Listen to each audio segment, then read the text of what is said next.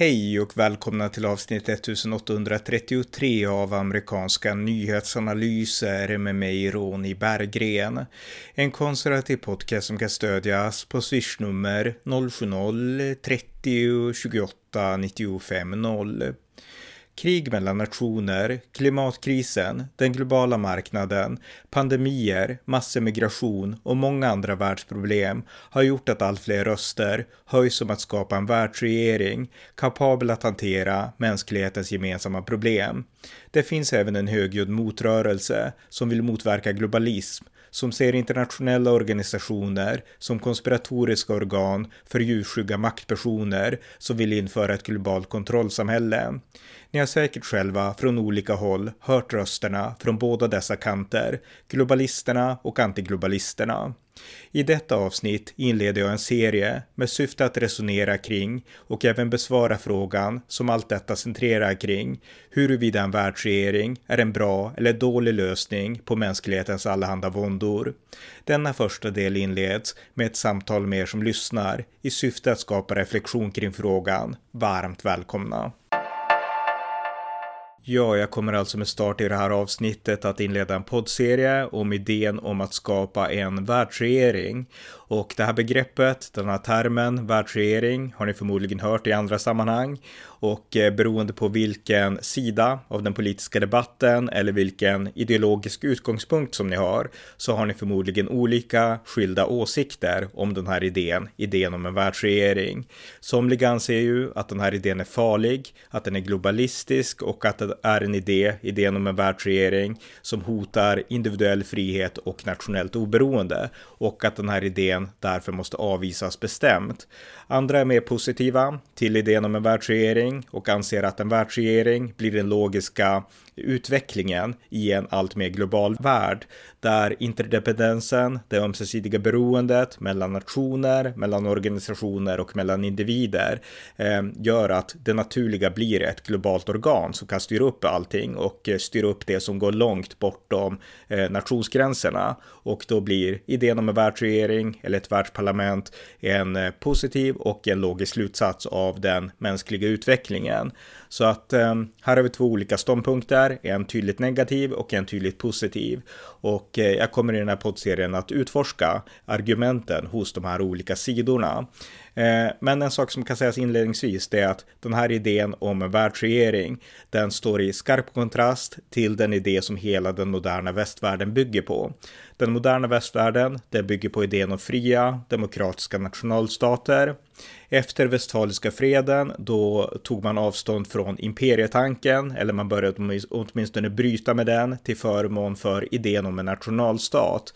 Och eh, i samband med första världskriget så började Europa på allvar öppna upp för idén om demokratiska nationalstater. Det här var en idé som hade förankrats i världshistorien, den moderna världshistorien först i samband med den amerikanska revolutionen 1776, som jag också gjort en poddserie om.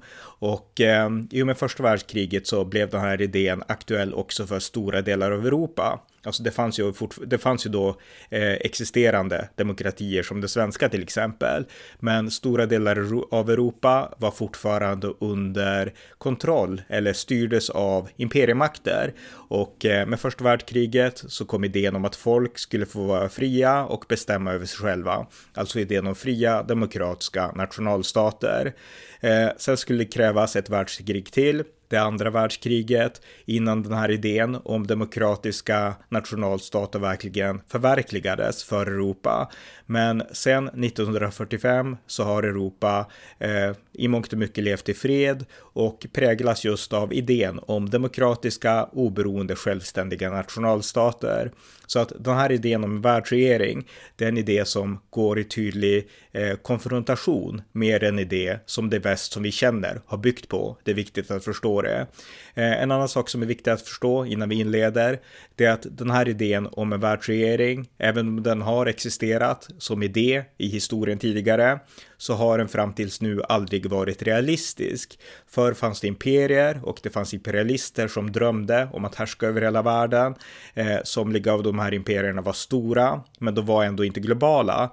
Eh, för varken teknologin eller infrastrukturen eller ens den globala mentaliteten existerade för att göra de här imperierna globala på riktigt. Och det är först nu i vår moderna tid som den här idén, idén om en världsregering, eh, även om den ännu inte är djuprotad bland någon större allmänhet, så är den likväl så pass realistisk att den allt oftare förs upp för debatt och förs på tal. Och det är därför jag vill göra den här poddserien. För att eh, jag vill diskutera den här idén så att vi på förhand kan vara beredda att ta samtalet när debatten väl liksom blir allvarlig och eh, att vi inte tas på sängen som vi så ofta gör här i Sverige och i väst när det kommer nya frågor som vi inte har tänkt på tidigare. Jag vill förhindra det genom att så här på förhand diskutera den här idén så att vi har en åsikt och eh, en plattform att stå på när idén väl blir en allmän diskussion. Så att eh, det ämnar jag göra i den här serien. Men jag tänkte börja med att eh, prata lite grann om vilka eh, som bollar den här idén och hur den här idén bollas här och nu i samhällsdebatten för att på så vis väcka lite intresse för frågan. Så att eh, vi kör igång med att eh, bara ge några exempel på vilka områden som den här idén bollas i förhållande till. Ja, att vår samtida värld präglas av många globala problem som är mycket svårlösta. Det har förmodligen inte undgått någon och eh, för att ge några exempel, till exempel den globala uppvärmningen och här spelar det ingen roll om man är ense om att den är så pass hotfull och farlig som det framställs eller om man är skeptisk till det. Det är ändå en sak som diskuteras och används för att eh, eh åstadkomma politiska konsekvenser. Klimatförändringarna, en annan sammanhängande fråga och eh, därtill inte minst Corona coronan, eller just nu kanske ännu mer risken för en framtida och allt mer allvarlig pandemin än coronan. Eh, det är också ett hot som skulle kunna bli globalt. Massflykten som vi nu kan se i världen, den är global. Skövlingen av naturen, regnskogarna som man pratade mycket om förr, det är saker som får globala konsekvenser. Eh, världshaven utsatta, både för utsläpp och för överfiske. Det påverkar hela mänskligheten. Lag och ordning undermineras eh, just nu, eh, inte minst minst här i väst, men även andra delar av världen har eh, olika problem med laglöshet. Kärnkraft, det är oftast nationellt producerat, men det kan få eh, transnationella konsekvenser om det sker olyckor i kärnkraftverk. Kärnvapen såklart, ännu större konsekvenser. Världsfattigdomen får konsekvenser och eh, inte minst den eviga frågan krig som påverkar hela världen och har gjort så genom hela världshistorien. Och eh, i takt med att vi uppmärksammar de här problemen så eh, väcks allt mer idén till liv om att de här problemen går bortom de enskilda nationerna, vilket de ju gör. Men den lösning som allt oftare presenteras, det är just lösningen om att eh, en världsregering är svaret på de här problemen. Och eh, några exempel på när man har efterlyst det eh, tänkte jag nu ge. Och det första exemplet, det har att göra med coronan. Den 12 mars 2020, då härjade ju coronapandemin i världen för fullt och den var ganska ny då, coronan. Och i Dagens Nyheter så hade en person en insändare med följande budskap och jag citerar. Vi befinner oss i ett läge som är akut, där människor dör och miljarder pengar försvinner i ett virusmoln på en sekund, från den ena dagen till den andra. De beslut som fattas den närmaste tiden av dem som har mandaten kommer att vara otroligt viktiga för hur framtiden kommer att se ut, såväl på kort som lång sikt. Lokala nationella beslut är viktiga, men än viktigare är att vi får en världsregering som kommer att bana väg in i framtiden, där utkomsten förhoppningsvis leder till långsiktiga lösningar för framtida generationer. Här har vi alltså en person som efterlyser en världsregering som svar på coronan egentligen och även på ekonomiska kriser. Så att här är ett exempel då på när man efterlyste en världsregering som ett svar på ett globalt problem. Eh, ett annat exempel, ett gammalt exempel från 2008, men det var Lena Melin som hade en eh, text i Aftonbladet den 1 november 2008 med rubriken Vem vill styra världen? Och där skrev hon så här. Klimathotet har visat det, finanskrisen lika så. Det behövs en slags världsregering. FN, hur hedervärd organisationen än är, saknar bett. Det är mycket prat och liten verkstad. Det behövs någon form av världsregering. Vem vill leda den? Så skrev Lena Melin 2008. Eh, tio år senare, 2018, så skrev eh, filosofiprofessorn Torbjörn Tännsjö att han efterlyste inte bara en världsregering utan en global diktatur för att kunna hantera global, klimatkrisen. Och han skrev så här den 28 november 2018 i Dagens Nyheter. Inför klimatmötet i Katowice anger den internationella klimatpanelen IPPC att vi har högst tio år till vårt förfogande för de drastiska nedskärningar som erfordras om vi ska undvika en process som kan leda till oåterkalleliga effekter. Jag har länge trott och argumenterat för att lösningen är global demokrati med ett globalt parlament som utser en global regering och som lagstiftar för hela klotet. Jag tror fortfarande att en sådan global demokrati skulle kunna rädda oss ur vårt kollektiva existentiella predikament. Ett problem är emellertid att tiden nu förefaller vara så knapp och samma problem som hindrar oss från att hantera problemet med den globala uppvärmningen hindrar oss också från att etablera den globala demokratin. Kanske kunde vi göra det om vi fick hundratals år till vårt förfogande. Vi har emellertid inte den tid vi behöver. Något måste ske raskt. Etablerande av global styrelse får ske genom en kupp, ett slags ex existentiellt språng där de suveräna nationalstaterna tvingas upphöra att finnas till. En global regering i form av en global despoti tar över. Demokratin får komma sedan i form av ett långsiktigt reformprojekt, ungefär som demokratin etablerats inom existerande icke-demokratiska nationalstater. Så det är alltså Torbjörn Tännsjö som 2018 efterlyser inte bara en global demokrati utan till och med en global despoti för att eh, eh, motverka det överhängande, enligt honom då, klimathotet. Eh, 2018, sommaren där, då präglades ju Sverige av skogsbränder och då skrev Liberalernas eh, dåvarande EU-parlamentariker Cecilia Wikström en, eh, en debattartikel i Expressen och eh, hon skrev då att eh, skogsbränderna visade att nationalstaternas tid var över. Hon skrev så här, Cecilia Wikström.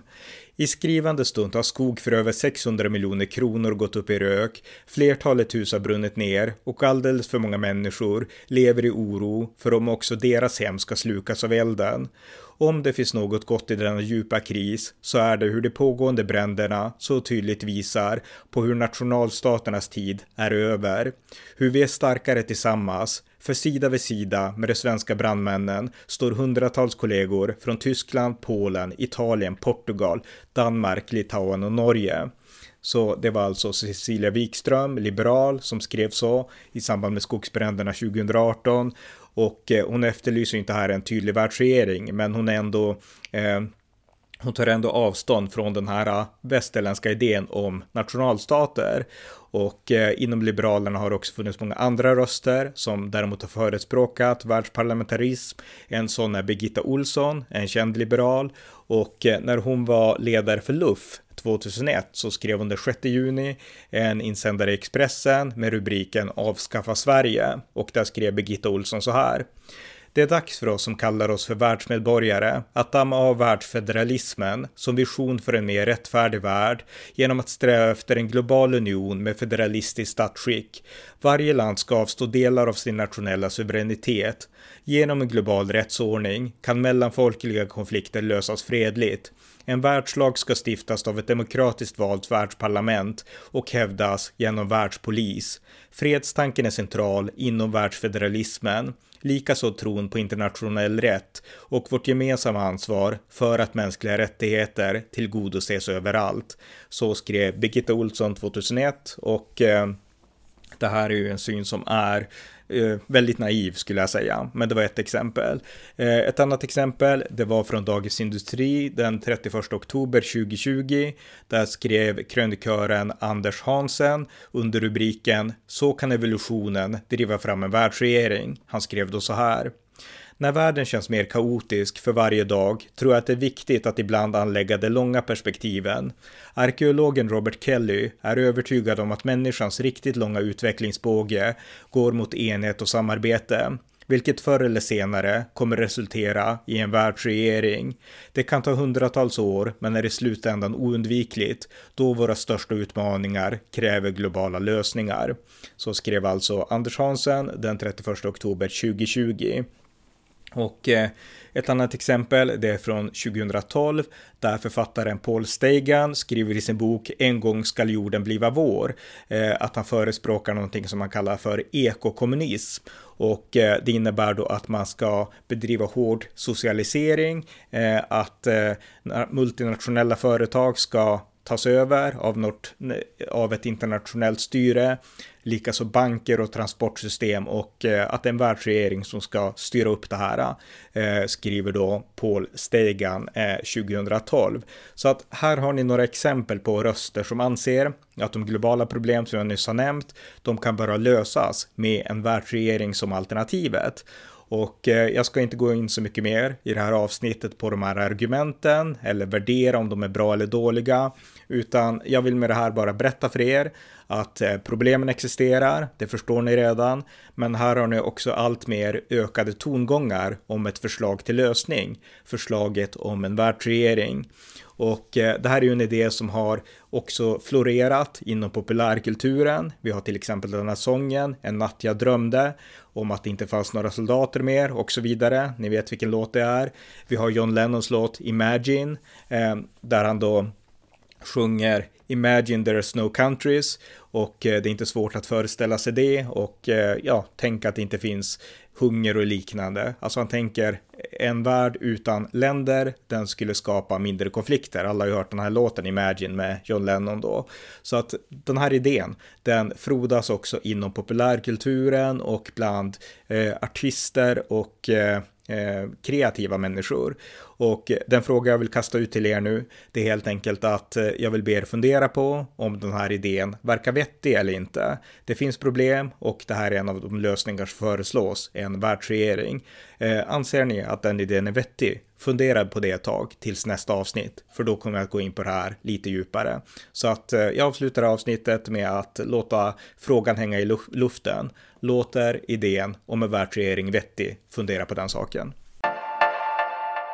Ni har lyssnat till amerikanska nyhetsanalyser, en konservativ röst i det vänsterliberala svenska mediebruset som kan stödjas på swishnummer 070-30 28 95 0 eller via hemsidan på Paypal, Patreon eller bankkonto. Skänk också gärna en gåva till valfri Ukraina-hjälp. Det var allt för den här gången. Tack för att ni har lyssnat.